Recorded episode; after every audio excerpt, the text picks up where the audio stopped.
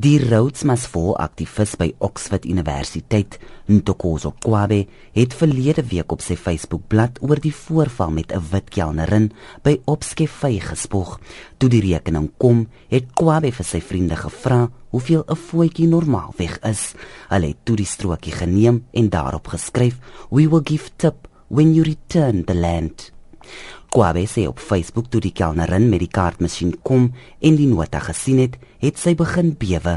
Hy sê verder, "She leaves us in bursts into typical white tears, like why are you crying when all we've done is make a kind request." Lol.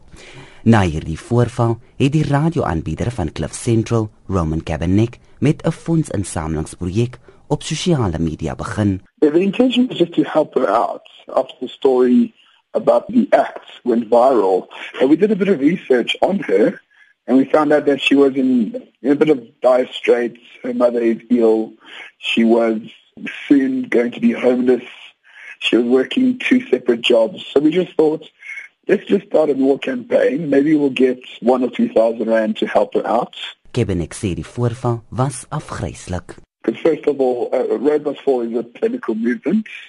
The intentions we do not necessarily agree with, but we do understand some of their frustrations.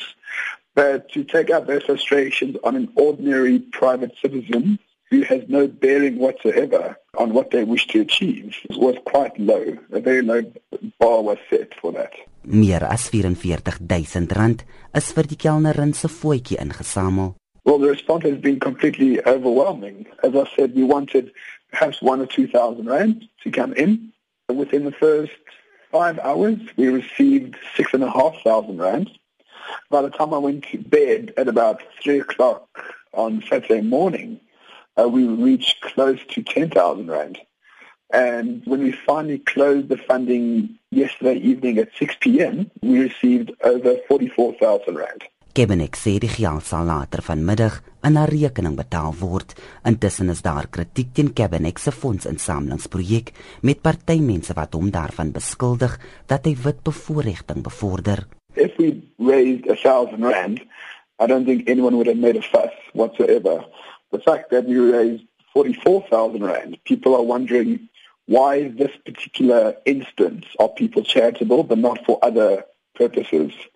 And my argument is, well, we just started a campaign off the cuff through social media and people really related to it. So I do think that the accusations of promoting white privilege are completely wrong. A lot of the funding came from overseas, from different people in, in New Zealand, Australia, in England, in Canada, and a few of the donations were made by black South Africans as well. Kwabe sowel as die Roodsmas vol beweging het nie op RSG se versoeke vir kommentaar reageer nie. Intussen is daar nog 'n aanlyn fondsinsamelingsveldtog vir die kelnerin in Amerika begin deur 'n Suid-Afrikaner, Ernest Sia Creer, Jean Estreisen, SABC nuus.